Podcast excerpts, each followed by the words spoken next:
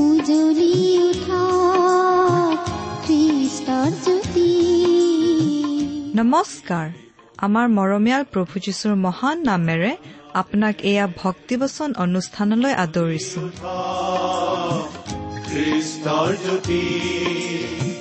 আকাশ বতাহ মুখৰিত কৰি গাঁও হাৱে মিলি প্ৰশংসা গীতি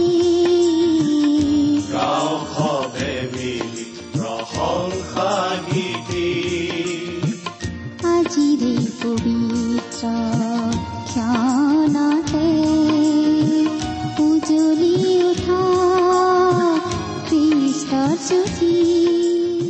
ঈশ্বৰে আপোনাক যি অসীম প্ৰেম কৰিলে তাক যদি অনুভৱ কৰিব বিচাৰে আৰু তেওঁৰ অগম্য বাক্যৰ মৌ মিঠা সোৱাদ ল'ব বিচাৰে তেন্তে আহক আজিৰ ভক্তিবচন অনুষ্ঠানটো মনোযোগেৰে শুনো। এয়া আপোনালৈ আগবঢ়াইছো। ঈশ্বৰৰ জীৱন্ত বাক্যৰ অনুষ্ঠান ভক্তিবচন।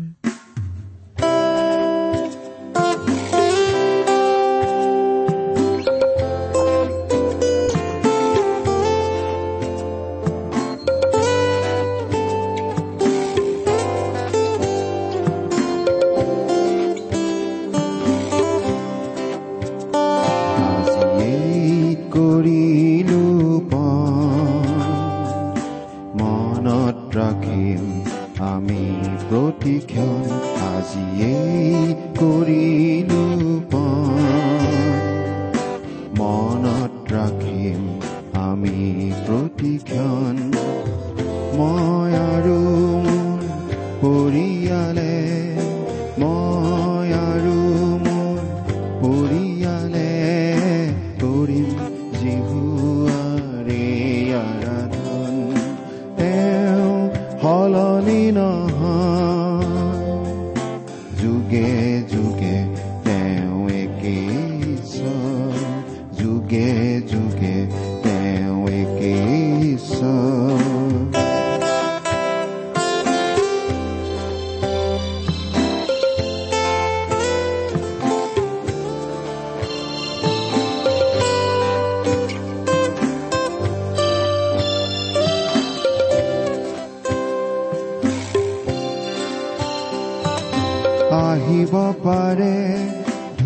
ধুমুহা জীৱনৰ শত প্ৰলোভন ছয়তানৰ হয়তো হ'ব পাৰে জীৱন বাটৰ প্ৰতি খোজে খোজে ছায়া বিপদৰ তথাপিতো কৰি যাম মৰণ পণ তথাপি কৰি যাম মৰণ পণ কৰি আৰাধন পৰিত্ৰাতা প্ৰভু যীশুখ্ৰীষ্টৰ নামত নমস্কাৰ প্ৰিয় শ্ৰোতা। আমি আমাৰ পিতা ঈশ্বৰক ধন্যবাদ জনাওঁ যে তেওঁ আজি আমাক পুনৰ তেওঁৰ পবিত্ৰ বচনৰ বাণী শুনিবলৈ আমাক এই সুযোগ দান কৰিছে। আপুনি যদি আমাৰ অনুষ্ঠান ভক্তিবচন শুনে তেন্তে আপুনি নিশ্চয় জানে যে আমি বৰ্তমান পুৰাতন বিধান বাইবেলৰ হুচেয়া পুস্তকখনৰ পৰা অধ্যয়ন কৰি আছো। ইয়াৰ আগৰবাৰৰ অধ্যয়নত আমি হুচেয়া চাৰি অধ্যায় ছয় পদৰ পৰা ঊনৈশ পদলৈকে আলোচনা কৰিলো হওক। আজিৰ অধ্যয়নত চাম হুচেয়া পাঁচ অধ্যায়ৰ এক পদৰ পৰা পোন্ধৰ পদ অৰ্থাৎ শেষ পদলৈকে। কিন্তু এই শাস্ত্ৰাংশখিনিৰ আলোচনালৈ যোৱাৰ পূৰ্বে আহক আমি ঈশ্বৰৰ গুৰি প্ৰাৰ্থনা জনাই।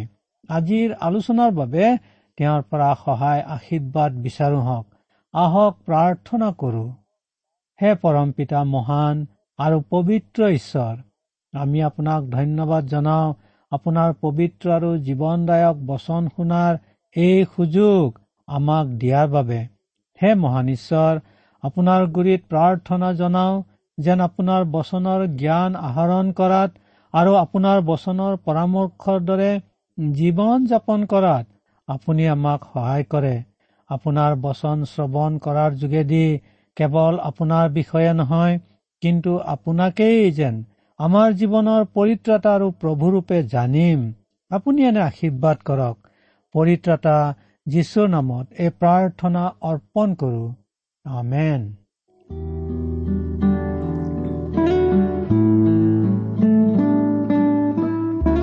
প্ৰিয় শ্ৰোতা এতিয়া আহক আজিৰ আমাৰ পাঠৰ শাস্ত্ৰাংশ হুছেয়াৰ পাঁচ অধ্যায়ৰ প্ৰথম পদৰ পৰা শেষ পদলৈকে পাঠ কৰো হওক।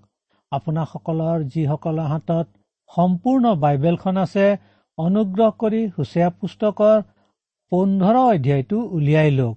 বাইবেলখনৰ কিমান পৃষ্ঠাত পাব জানেনে?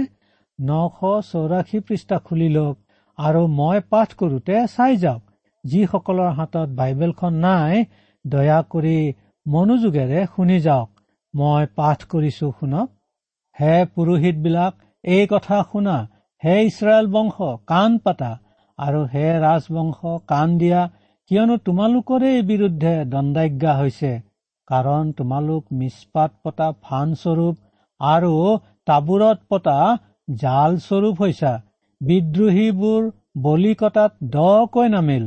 কিন্তু মই সিহঁত আটাইকে শাস্তি দিম। মই ইফ্ৰইমক জানো আৰু ইছৰাইল মোৰ পৰা গুপুতে থকা নাই কিয়নো সেই ইফ্ৰহিম তুমি বেচা কৰ্ম কৰিলা ইছৰাইল অসুচী হল। তেওঁবিলাকৰ কাৰ্যবোৰে তেওঁবিলাকক তেওঁবিলাকৰ ঈশ্বৰৰ ফাললৈ ওলটিব নিদিয়ে কিয়নো তেওঁবিলাকৰ অন্তৰত বেচা কৰ্ম কৰাওতা আত্মা আছে আৰু তেওঁবিলাকে জিহুৱাক নেজানে। আৰু ইছৰাইলৰ গৌৰৱ ভূমিয়ে তাৰ মুখৰ আগতে সাক্ষ্য দিছে। এই হেতুকে ইছৰাইল আৰু ইফ্ৰইমে নিজ নিজ অপৰাধত উজতি খাব আৰু তেওঁবিলাকৰ লগত জিহুদায়ো উজতি খাব। তেওঁবিলাকে নিজ নিজ ভেড়া আৰু গৰুৰ জাক লৈ জিহুৱাক বিচাৰিবলৈ যাব কিন্তু তেওঁক নাপাব। তেওঁ তেওঁবিলাকৰ পৰা আঁতৰ হৈ গল। তেওঁবিলাকে জিহুৱাৰ বিৰুদ্ধে বিশ্বাসঘাতকতা কৰিলে। কিয়নো তেওঁবিলাকে বিজাতীয় সন্তান উৎপন্ন কৰিলে। এতিয়া ন জুন ওলালে তেওঁবিলাকক নিজ নিজ ভাগে সৈতে গ্ৰাস কৰা হব। তোমালোকে গিবিয়াত শিঙা বজোৱা ৰামাত তুৰি বজোৱা আৰু বৈত আৱনত উচ্চধ্বনি কৰা। হে বিন্যামিন তোমাৰ পাছত শত্ৰু আছে। দণ্ডৰ দিনা ইফ্ৰহিম ধ্বংসস্থান হব যি নিশ্চয়ে ঘটিব। তাক মই ইছৰাইলৰ ফৈদবিলাকৰ মাজত জনাইছো।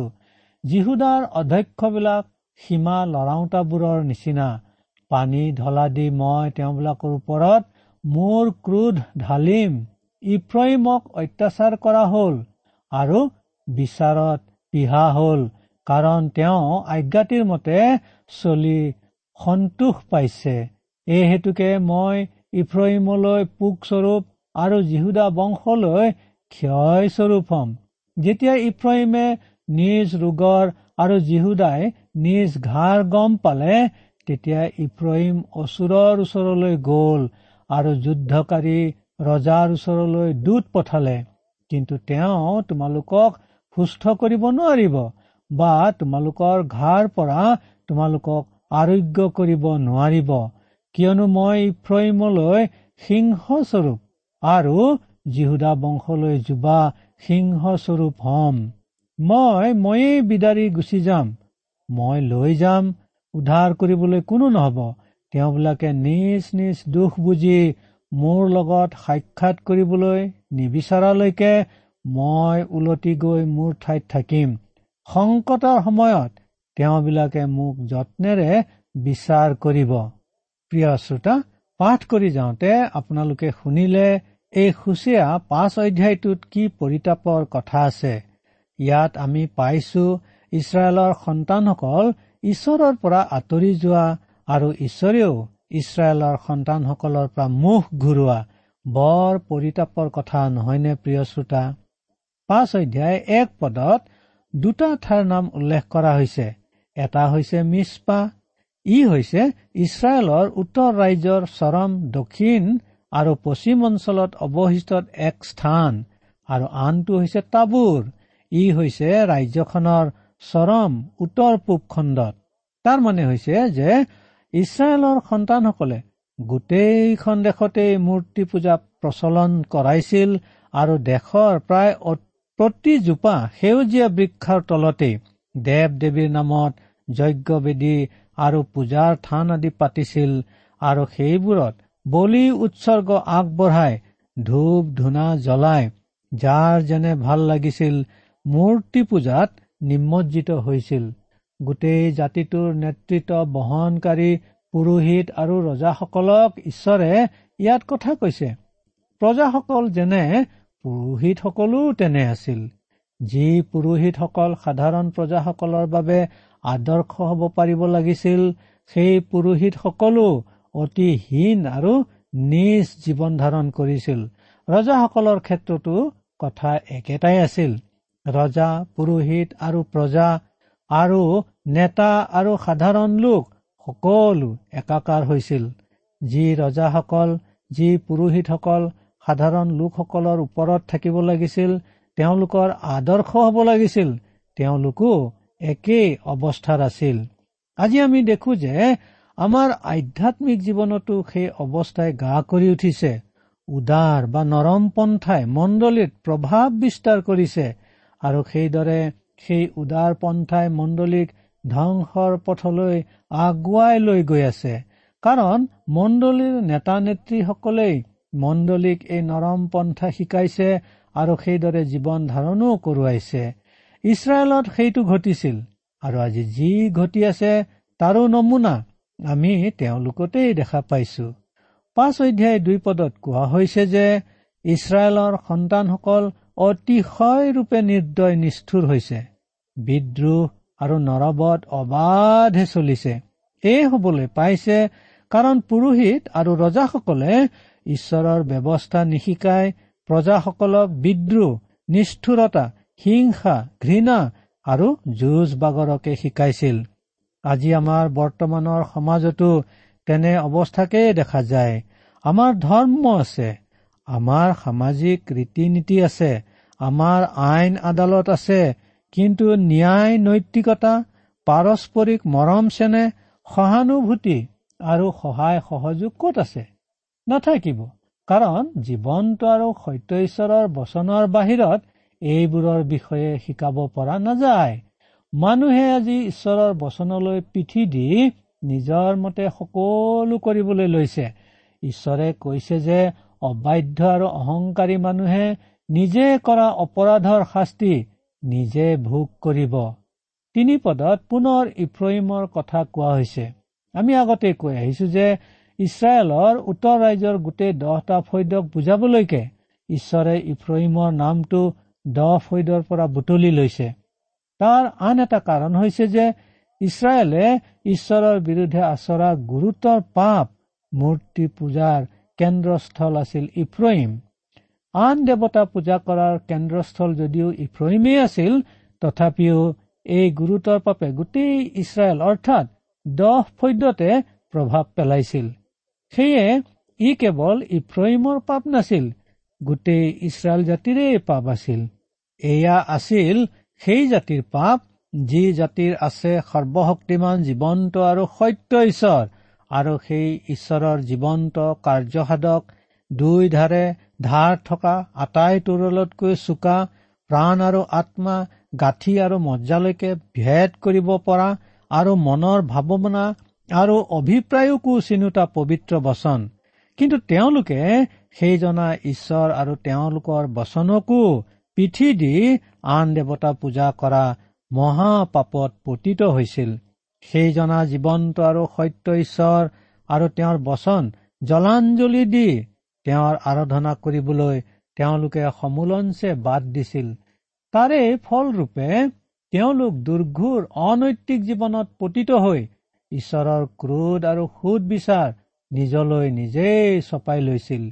ঈশ্বৰে কৈছে যে জাতিটোৰ এনে পাপ আচৰণে দেশখনক এনে ভয়াৱহ অৱস্থালৈ পৰিচালিত কৰিব যি অৱস্থাত দেশৰ ভূমি জীৱ জনোৱাৰ আকাশৰ চৰাই চিৰিকটি আৰু জলৰ জলপ্ৰাণী আটাইবোৰেই ধ্বংসৰ গৰাসত পৰিব।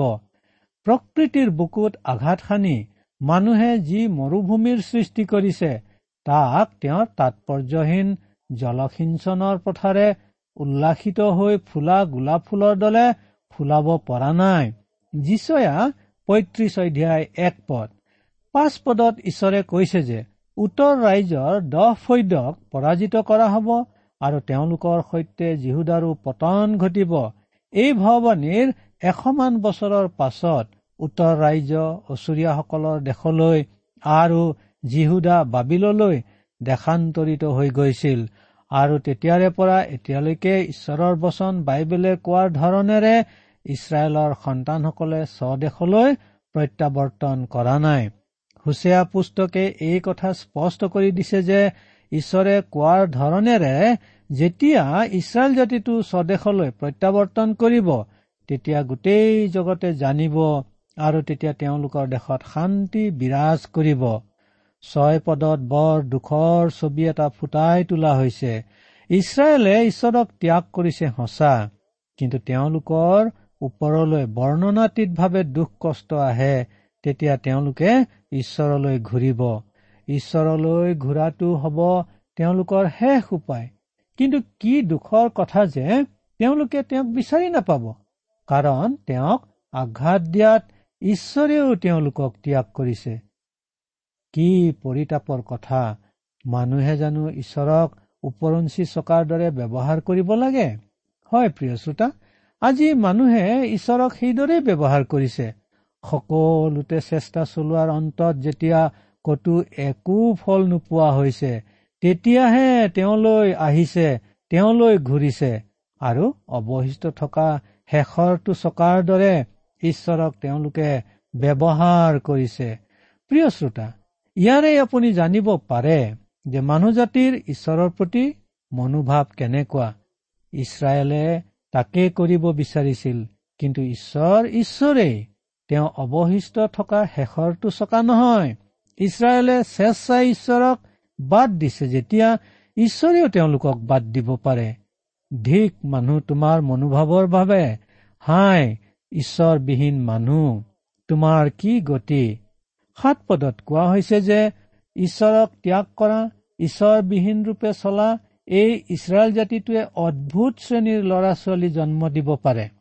তেওঁলোকক ঈশ্বৰ বিষয়ক ভয় ভক্তি আৰু ঈশ্বৰ বিষয়ক জ্ঞানত লালন পালন নকৰিব দেখি তেওঁলোকো ঈশ্বৰহীন সন্তানৰূপে ডাঙৰ দীঘল হ'ব। আৰু শেষত যিহকে বয় তাকে দাব লাগিব। কিন্তু দূৰ অতীতত দ্বিতীয় বিৱৰণত ঈশ্বৰে তেওঁলোকক দোহাৰি দোহাৰি কৈছিল যে তেওঁলোকে তেওঁলোকৰ ল'ৰা ছোৱালীক ঈশ্বৰৰ বচন শিকাব লাগে আৰু তাৰ ভিত্তিত তেওঁলোকক লালন পালন কৰিব লাগে। কিন্তু ঈশ্বৰে তেওঁলোকক কৈছে যে তেওঁলোকে কিম্ভূত কিমাকাৰ সন্তানবিলাকৰ জন্ম দিছে যিবিলাকে ঈশ্বৰক একেবাৰেই নাজানে।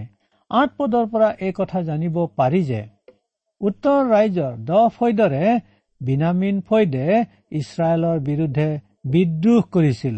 সেয়ে ঈশ্বৰে ইয়াত কৈছে যে বিনামিন আদি কৰি সকলোৰে ওপৰত ঈশ্বৰৰ সুদ বিচাৰ থাকিব কাৰণ ইছৰাইলে কৰা পাপটো গোটেই জাতিয়ে আচৰা পাপ আছিল তাত বিনামূনো আছে।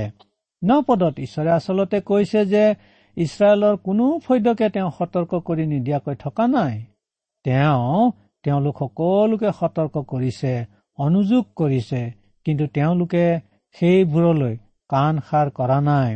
দহ পদৰ পৰা আমি জানিব পাৰো যে জিহুদা অৰ্থাৎ দক্ষিণ ৰাজ্যই যিমান সম্ভৱ সিমান উত্তৰলৈ ৰাজ্যৰ সীমা ঠেলাৰ চেষ্টা চলাইছিল নিশ্চয়।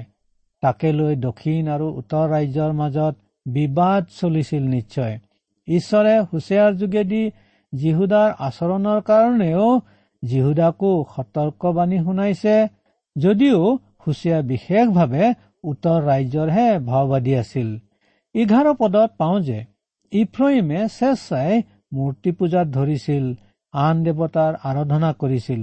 জাতিটোৰ সকলো লোকৰ লগে লগে তেওঁলোকো গৈছিল। বাৰ পদত ইছৰাইল আৰু জিহুদাৰ ধ্বংসৰ কি নক্সা আঁকি দেখুওৱা হৈছে? দুটা বস্তুৰ ইয়াত উদাহৰণ দাঙি ধৰা হৈছে। এটা পোক আৰু আনটো হৈছে ক্ষয় পোৱা অৱস্থা বা পচি যোৱা অৱস্থা। উত্তৰ ৰাজ্য ইছৰাইলক পোকেৰে আৰু দক্ষিণ ৰাজ্য জিহুদাক পচি যোৱা অৱস্থাৰে পতন ঘটাব। পোকে তুৰন্তে নষ্ট কৰিব পাৰে। অনিয়ন্ত্ৰিত আৰু দুৰ্ঘুৰভাৱে পাপ আচৰা ইছৰাইলক তুৰন্তে আৰু যীহুদাক ক্ৰমে ক্ৰমে নষ্ট পোৱা ব্যৱস্থাৰে নষ্ট কৰিব। কিন্তু তুৰন্তেই হওক বা ক্ৰমে ক্ৰমেই হওক সেয়া হ'ব ঈশ্বৰৰ সুদ বিচাৰ দক্ষিণ ৰাজ্য আৰু উত্তৰ ৰাজ্যৰ ওপৰত। তেৰ পদত চাওক আমি আগতে কৈ অহা কথাটোকে ইয়াত দেখিবলৈ পাইছো। অৰ্থাৎ ইছৰাইল যীহুদাই তেওঁলোকৰ জীৱন্ত আৰু সত্য ঈশ্বৰক অৱশিষ্ট থকা চকাৰ দৰে ব্যৱহাৰ কৰিছে।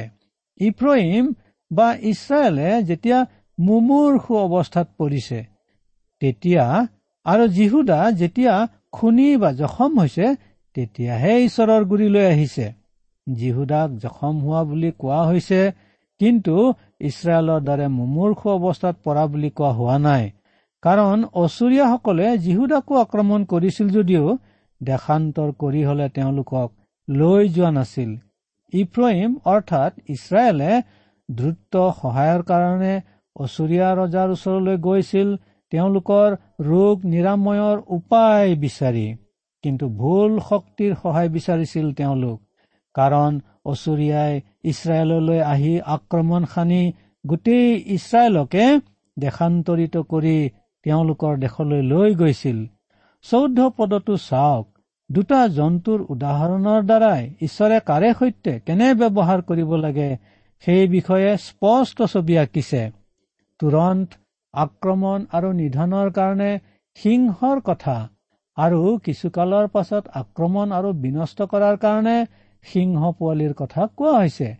সিংহই তুৰন্তে আক্ৰমণ কৰি বিনষ্ট কৰাৰ দৰে অচুৰীয়াসকলে ইছৰাইল আক্ৰমণ কৰি ইছৰাইলৰ বিস্তৰ ক্ষতি সাধন কৰি হত্যা আৰু লুণ্ঠন কৰাৰ উপৰিও তেওঁলোকৰ সকলো অৱশিষ্ট লোককে স্বদেশলৈ দেশান্তৰিত কৰি লৈ গৈছিল।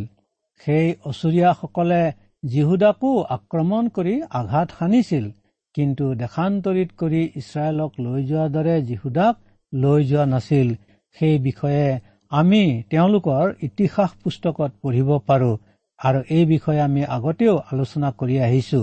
সিংহৰ পোৱালি ডাঙৰ হোৱা সময়লৈকে সময় পোৱাৰ দৰে যীহুদাই সময় পাইছিল সেই সময় পূৰ্ণ হোৱাৰ লগে লগে বাবিলে এটা সময়ত যীহুদা আক্ৰমণ কৰিছিল আৰু হত্যা লুণ্ঠন আদিৰে সকলো লোভ দ্ৰব্যৰে সৈতে যীহুদাৰ অধিকাংশ লোকক দেশান্তৰিত কৰা শত্ৰুৰূপে বাবিললৈ লৈ গৈছিল। সেইদৰে ইছৰাইলতো আছিল কঠিন আৰু দুৰাৰোগ্য ৰোগ আৰু যীহুদাৰটো আছিল আঘাত পোৱা ঘাঁ বা জখম। আৰু ইছৰাইলৰ নিমিত্তে ঈশ্বৰ হৈছিল ঠাইতে লগে লগে আক্ৰমণ কৰি বিনষ্ট কৰা সিংহৰ নিচিনা। আৰু যীহুদাৰ নিমিত্তে হৈছিল ডাঙৰ হবলৈ সময় লোৱা সিংহ পোৱালিটোৰ নিচিনা। ঈশ্বৰে আজিও মানুহৰ বিচাৰ সেইদৰে কৰে প্ৰিয় শ্ৰোতা। মানুহৰ ইতিহাসে সেই বিষয়ৰ প্ৰমাণ আমাৰ আগত দাঙি ধৰে। কোনো কোনোৰ ক্ষেত্ৰত তেওঁ লগে লগেই বিহিত ব্যৱস্থা লৈ আছে কিন্তু কোনো কোনোৰ ক্ষেত্ৰত তেওঁ পলম কৰি আছে। কিন্তু পলম কৰি থকাই বিহিত ব্যৱস্থা যে এদিন নলব তাক নুবুজায়। তুৰন্তে হলেও বা কিছু পলমকে হলেও ঈশ্বৰে যে বিহুত ব্যৱস্থা লব তাক আমি এই সুচীয়া পুস্তকৰ পৰাই জানিব পাৰো। কিন্তু কোনো মানুহে তেওঁ আচৰা পাপৰ পৰা ৰেহাই নাপাব। পাপৰ বিৰুদ্ধে তেওঁ সুদ বিচাৰ কৰিছিল কৰি আছে আৰু সদায় তেওঁ সুদ বিচাৰ কৰি থাকিব। কোনেও নাভাবক যে তেওঁৰ পাপৰ কাৰণে ঈশ্বৰে তেওঁক শাস্তি দিয়া নাই। কোনেও নাভাবক যে তেওঁ তেওঁ কৰা পাপৰ পৰা ৰেহাই পাব। সেইটো কেতিয়াও বাইবেলে শিকোৱা নাই আৰু তেনে ঘটনা আমি এতিয়ালৈকে দেখা নাই। পোন্ধৰ পদত এতিয়া এটা আশাৰ ৰেঙনি দেখা পাইছো। গোটেই অধ্যায়টো সতৰ্কবাণীৰে ভৰা যদিও এই পদটোত এটা আশাৰ বাণী ঘোষণা কৰি অধ্যায়টো সামৰণি মৰা হৈছে। এটা দিন আহিব যেতিয়া ইছৰাইলে ঈশ্বৰক আকৌ বিচাৰিব। আমি এই কথাটো ইয়াৰ আগৰ পাঠতো পাই আহিছো যে শেষৰ দিনা ইছৰাইলে ঈশ্বৰক বিচাৰিব। কিন্তু তেওঁলোক যিমান দিনলৈকে তেওঁলোকে সম্পূৰ্ণকৈ তেওঁলৈ নুঘূৰিব তেতিয়ালৈকে তেওঁলোকে তেওঁক বিচাৰি নাপাব আৰু তেওঁৰ যি মুক্তি সেই মুক্তিও তেওঁলোকে লাভ কৰিব নোৱাৰিব। কিন্তু সুখৰ কথাটো হৈছে যে তেওঁলোকে ঈশ্বৰলৈ ঘূৰিব। আৰু সেইটো বাস্তৱিকতে সুখৰ কথা।